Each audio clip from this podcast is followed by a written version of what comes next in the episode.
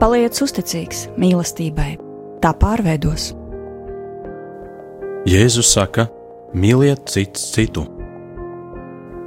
Paliec uzticīgs mīlestībai, tā pārveidos. Raidījums mīlestības terapija ir saruna par sevi, dzīvi un mīlestību. Un šo raidījumu vada kristīgi psihologi Ina Grasmane un Marks Jērmaks.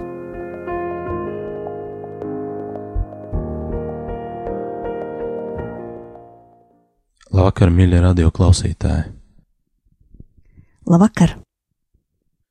Šoreiz mēs jums piedāvājam tādu ceļu pārdomās par laulāto attiecībām mūsu dzīvē, un mēs piedāvājam tādu veselu raidījumu ciklu, kas būs veltīts laulāto attiecībām, dažādiem to aspektiem, kā arī no nu, tām grūtībām, ko mēs piedzīvojam, tos attiecības un veidiem, kā varētu šo situāciju uzlabot un saņemt dziedināšanu.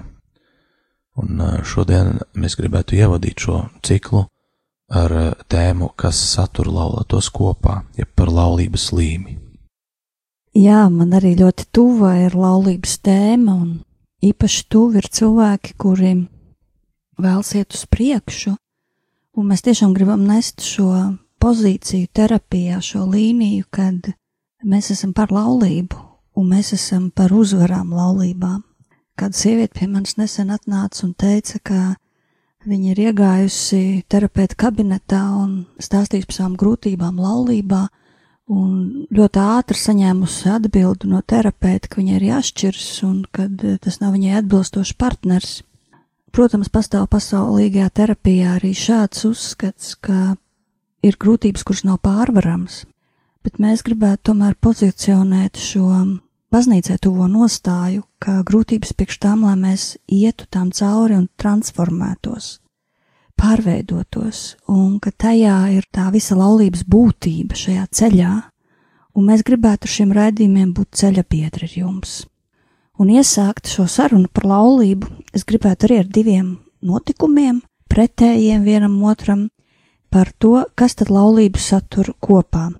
Un viens uh, gadījums ir par kādu sievieti, kur atrodas laulībā jau vairāk kā 15 gadus, bet viņa nekad nav izjutusi to, kad ir laimīga šajā laulībā.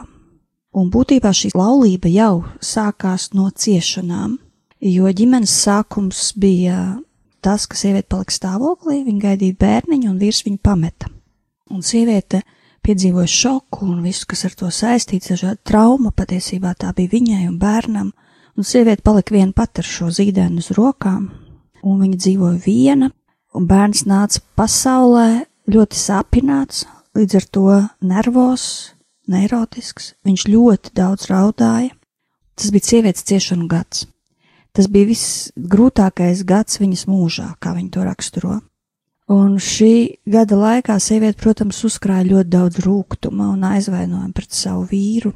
Viņa bija ļoti viena savās ciešanās, bet kā vēlāk šodien jau viņa, viņa dēls jau ir liels, pietiekoši, atskatoties atpakaļ, saka, ka viņa īstenībā nelaida pat nevienu sev palīgā, ka draugi viņai šodien saka, ka viņi ir gribējuši palīdzēt, bet ka viņa nav pielēdusi, ka viņa iesprūdus šajās ciešanās un vienkārši gājusi tam cauri.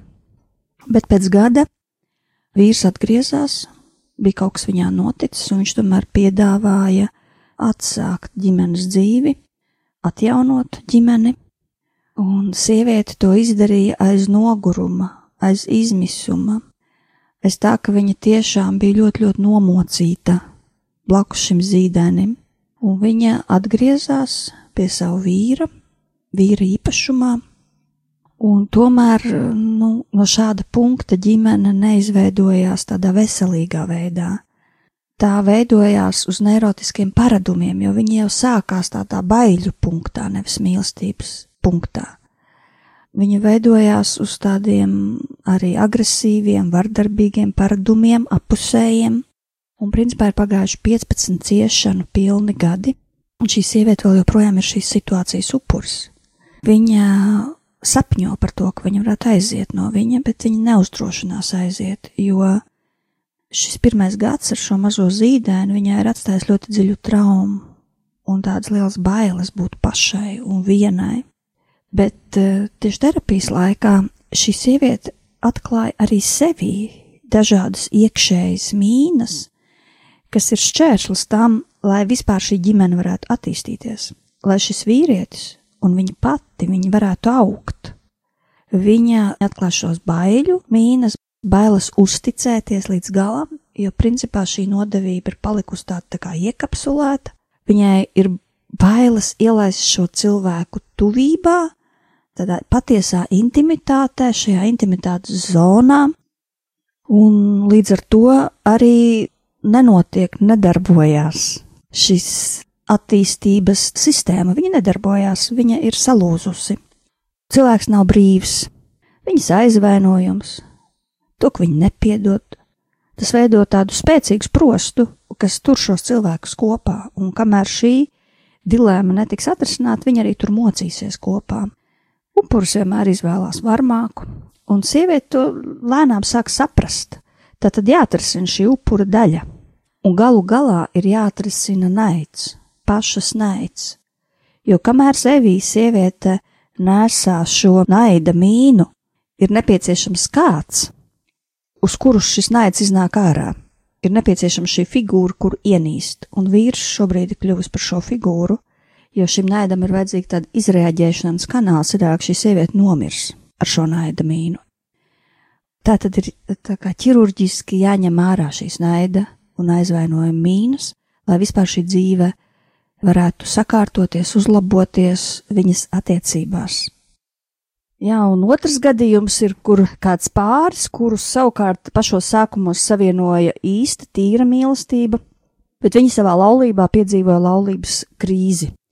Krīze saistīta ar to, ka sievieti mocīja tādas uzmācīgas greizsirdības lēkmes, ko viņa izjūt pret savu vīru. Un vīrs arī kaut kā provocējās no šīm greizsirdības lēkmēm un arī piemeta tam vēl tādu malciņu šai ugunī, Un viņš sabiedrībā izturējās tiešām pret sievietēm tā diezgan vaļīgi, viņš pievērs uzmanību citām sievietēm, vairāk pat citām nekā viņai, un sievietē tas sagādāja liels ciešanas. Viņa, protams, sākumā mēģināja atrisināt šo situāciju, audzinot savu vīru, kontrolējot viņu, bet, eh, protams, tas tikai provocēja vēl spēcīgāku šī vīra uzvedību un iztarošanos sabiedrībā, it kā tīšām viņš darīja viņai pāri un katra atgriešanās no kādām viesībām pārvērtās tādos tumsas apvītos konfliktos šajā ģimenē. Laulātais pāris šajā krīzes laikā izspēlē dažādi ciniskas spēles viens ar otru, piemēram, sieva atdarot vīram to, ka viņš sabiedrībā pievērš uzmanību citām sievietēm savās sāpēs visu vakaru, flirtējoši dejo ar citu vīrieti, un kaut arī tas jau dod kaut kādu mierinājumu uz īsu brīdi, bet tas nebūtu neremdināja šīs sirds sāpes nevienam, ne otram, un katra šāda ciniska rotaļa, ko viņi izspēlē viens ar otru, patiesībā ieved viņus vēl lielākā strupceļā un sāpēs. Līdz sieviete saprot, ka viņas greizsirdība ir tādēļ, ka viņa mīl savu vīru, un īstenībā viņa nevēlas viņu zaudēt. Un viņa nolēma sakārtot attiecībās to, kas attiecās uz viņu, uz viņas daļu.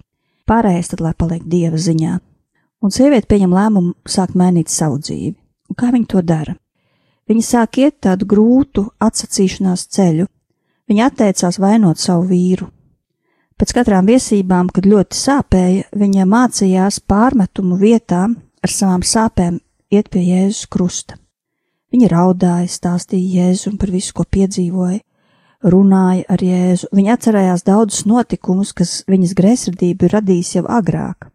Viņa bija bērns daudz bērnu ģimenē, un viņas bija meitenes, kas dzima viena pēc otras, un ģimene visu laiku gaidīja šo pirmdzimto dēlu, un dēls piedzima pusotru gadu pēc tam, kad viņa kā meitenīte bija piedzimusi, tātad viņiem pusotru gadu starpība. Un, protams, ka visa mīlestība, visi prožektori tika velstīti šim pirmajam, pirmdzimtajam, vienīgajam dēlam ģimenē, un viņa palika šī brāļa ēnā, un tā īstenībā bija tas greizsirdības sakne. Viņa patiesībā bija greizsirdīga pret brāli. Sieviete par to visu lūdzās, viņa piedeva vecākiem brālim, aicināja šajās sāpīgās situācijās Jēzu, lūdzu dažādas atbrīvošanas, lūgšanas, runāja ar garīgajiem tēviem, un tas viss bija ļoti, ļoti smags, sarežģīts ceļš. Viņa arī greizsirdību ārstēja sarunās ar psihologu.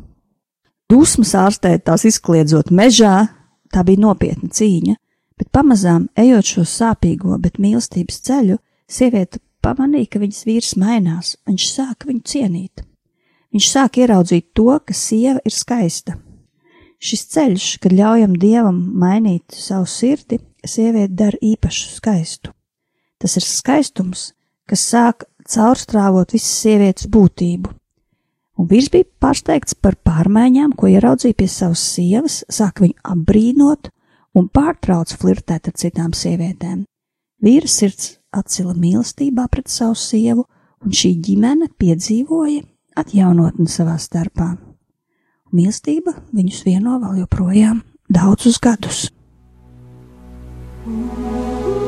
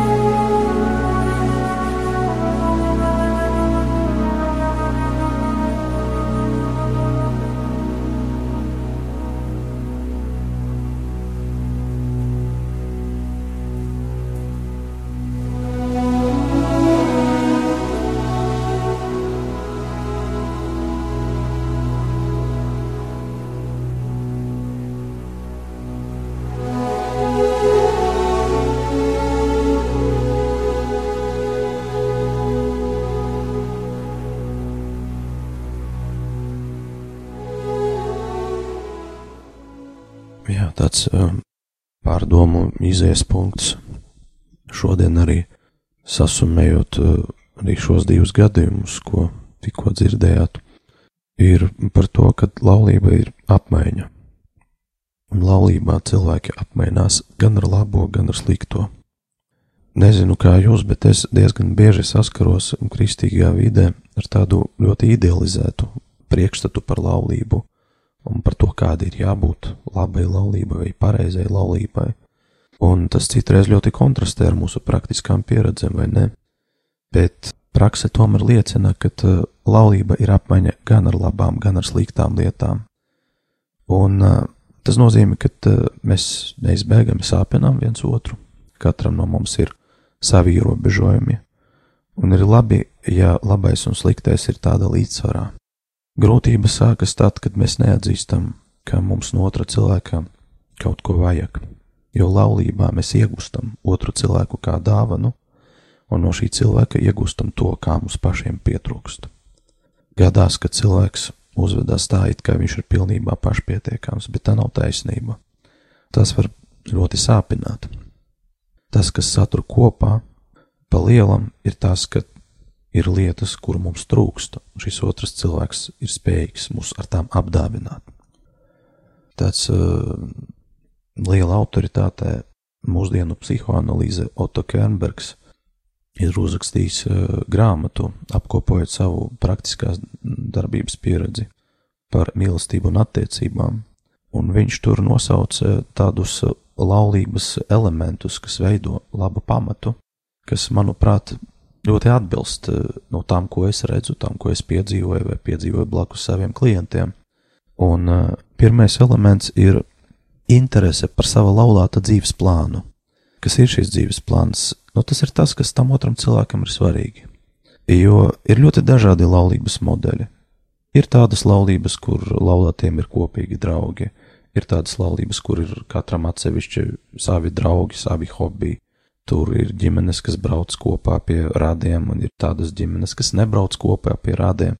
Tiešām nu pastāv liela daudzveidība, bet tas, kas satur kopā, ir tas, ka abi partneri, abas puses saglabā un arī izpauž interesi par otra cilvēka pasauli, par to, kas viņam svarīgs šajā posmā, par to, kas viņu nodarbina. Tāpat arī uzticēšanās un spēja būt godīgam.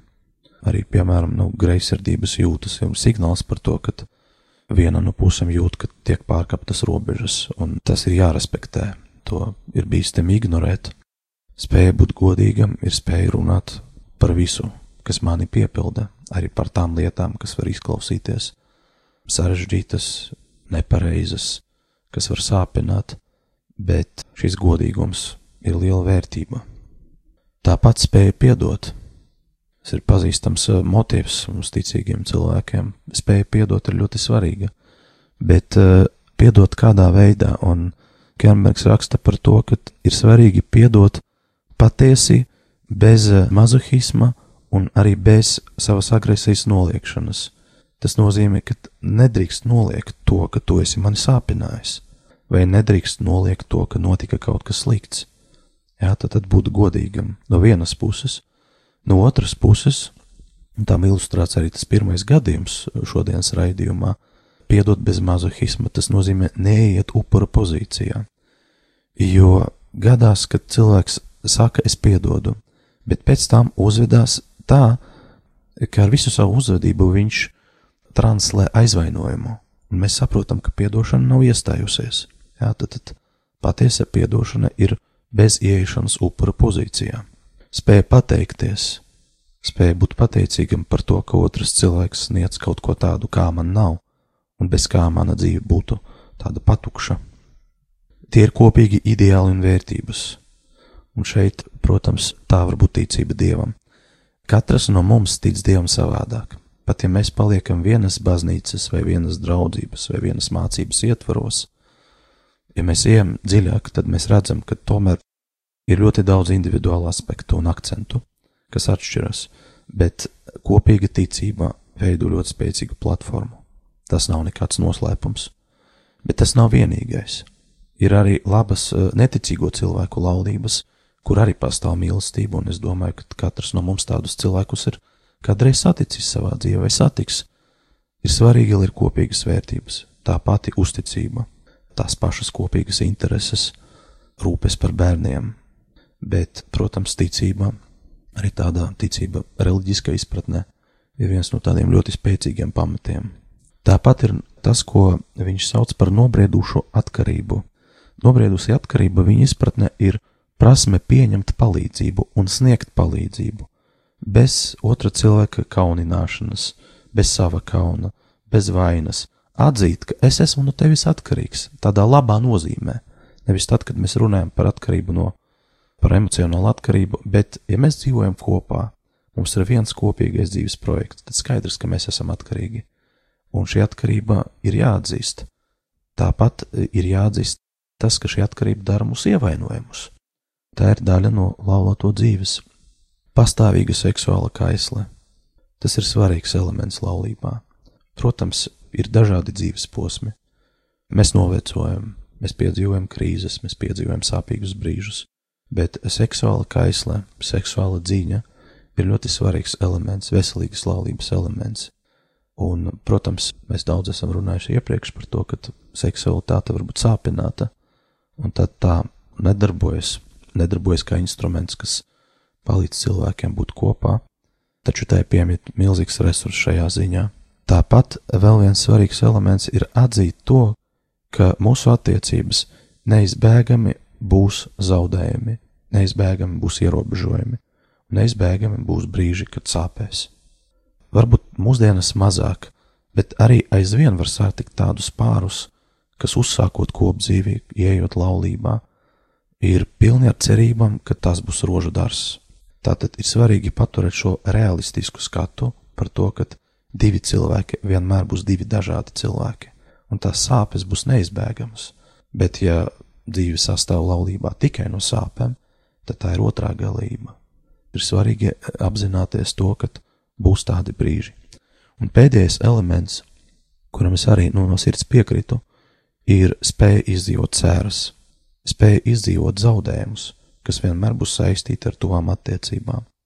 Tas nav tikai paša cilvēka zaudējums, tas var būt arī savu ilūziju zaudējums, savu projekciju zaudējums, ko mēs piedzīvojam ļoti sāpīgi, sabruk kaut kādi ideāli, kaut kādi priekšstati, tas, ko esam sagaidījuši, neesam saņēmuši un redzam, ka tas nebūs iespējams. Kad redzam, ka otrs cilvēks nevar aizvietot mūsu tēti vai mammu, piemēram, kad viņš nevar mums sniegt to, kas bija jāsniedz vecākam, kad viņš nespēja vienmēr būt maigs un mīlošs pret mums. Tā ir tādi brīži, kad mēs piedzīvojam paša cilvēka zaudējumu. Spēja izdzīvot sēras, spēja izsāpēt un atlaist ir ļoti svarīgs laulības elements, saka Otto Kernbergs, un es domāju, ka tas ir ļoti realistiski.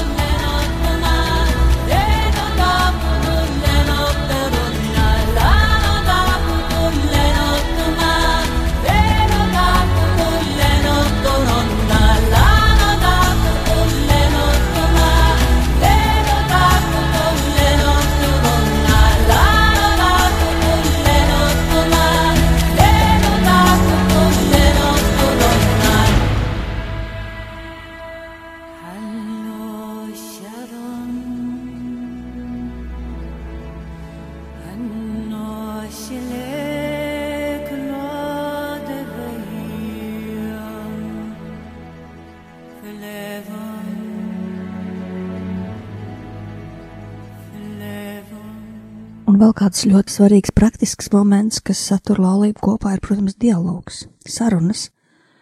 Un es varbūt gribētu atstāt tādas divas metodas, kuras mēs praktiski paši arī savā laulības dzīvē esam kopuši un kas ir atnesuši daudz augļus un tādas atbrīvošanas, divas metodas, kuras mēs lietojam, lai veidot dialogu, jo bieži vien dialogs ir arī, nu, neveidojas tik dabiski, varbūt, kā mēs gribētu, jo mēs esam ievainoti, un, un tad mēs mūsu ģimenē rīkojam tādus dalīšanās vakarus, kad bieži vien tas ir pie vakariņu galda, vakarā, kad mēs visi kopā sanākam, lai pēstu. Mēs izveidojam tādu sarunas struktūru, kur iet cauri gadiem, un cauri gadiem visu laiku pārunājot, tā kā pēc vienas tās pašas struktūras ģimenē visi mācās runāt un iet ar vien dziļāk un dziļāk. Mēs runājam par tām labajām lietām, ko katrs cilvēks ir piedzīvojis savā dzīvē, konkrētā laika posmā, par grūtajām lietām, ko cilvēks piedzīvojis, savā dzīvē, konkrētā posmā, par to, ko es gribētu piedot kādam, vai man ir ko piedot, vai man kāds ir ievainojis no ģimenes locekļiem, vai es gribu lūgt kādam piedošanu, vai es gribu īpaši pateikties kādam no ģimenes locekļiem par kaut ko. Mēs noslēgumā šai sarunai vienmēr jautājam, ko cilvēks gribētu, vai bērns, vai pieaugušais ģimenē lūgt, ko mēs lai visi kopā par viņu lūdzam, tad mūsu ģimenes lūkšana ir kā tāda aizmugure šim ģimenes loceklim, un šādas dalīšanās viņas ved no gada uz gadu ar vien dziļāk un dziļāk, un brīnišķīgi redzēt, ka bērni atverās kā ziedi, jo viņi māk dalīties, viņi māk veidot šo dialogu, un tā pašā laikā viņiem ir iespēja dzirdēt arī mūsu pieaugušo cilvēku sarunu par sevi un par to, ko mēs dzīvojam, kā mēs dzīvojam, par mūsu attiecībām, par to, kā mēs lūdzam viens otram piedošanu. Mēs esam nu, šis paraugs šajā dalīšanās brīdī. Un vēl kāda metode tieši katoļu ticīgajiem, ko es varētu piedāvāt, ir rožu kronis, bet rožu kronis ne tādā veidā, kad vienkārši mēs skaitam viņu, bet kad mēs arī starp rožu kroņa daļām dodam laiku, lai kāds no partneriem var dalīties, izteikt visu, kas uz sirds un otrs vienkārši blakus lūkšanā, un tad seko nākamā daļa, un tad lūkšana daļa, un tad otrs partneris dalās. Un bieži vien šī lūkšana pa vidu neutralizē varbūt kaut ko sāpīgu, ko otrs ir pateicis, un, no, un sāk veidoties šis dialogs caur lūkšanu, kas ir ļoti spēcīgi, arī ļoti dziļi un ļoti, ļoti svarīgi varbūt priekš laulības.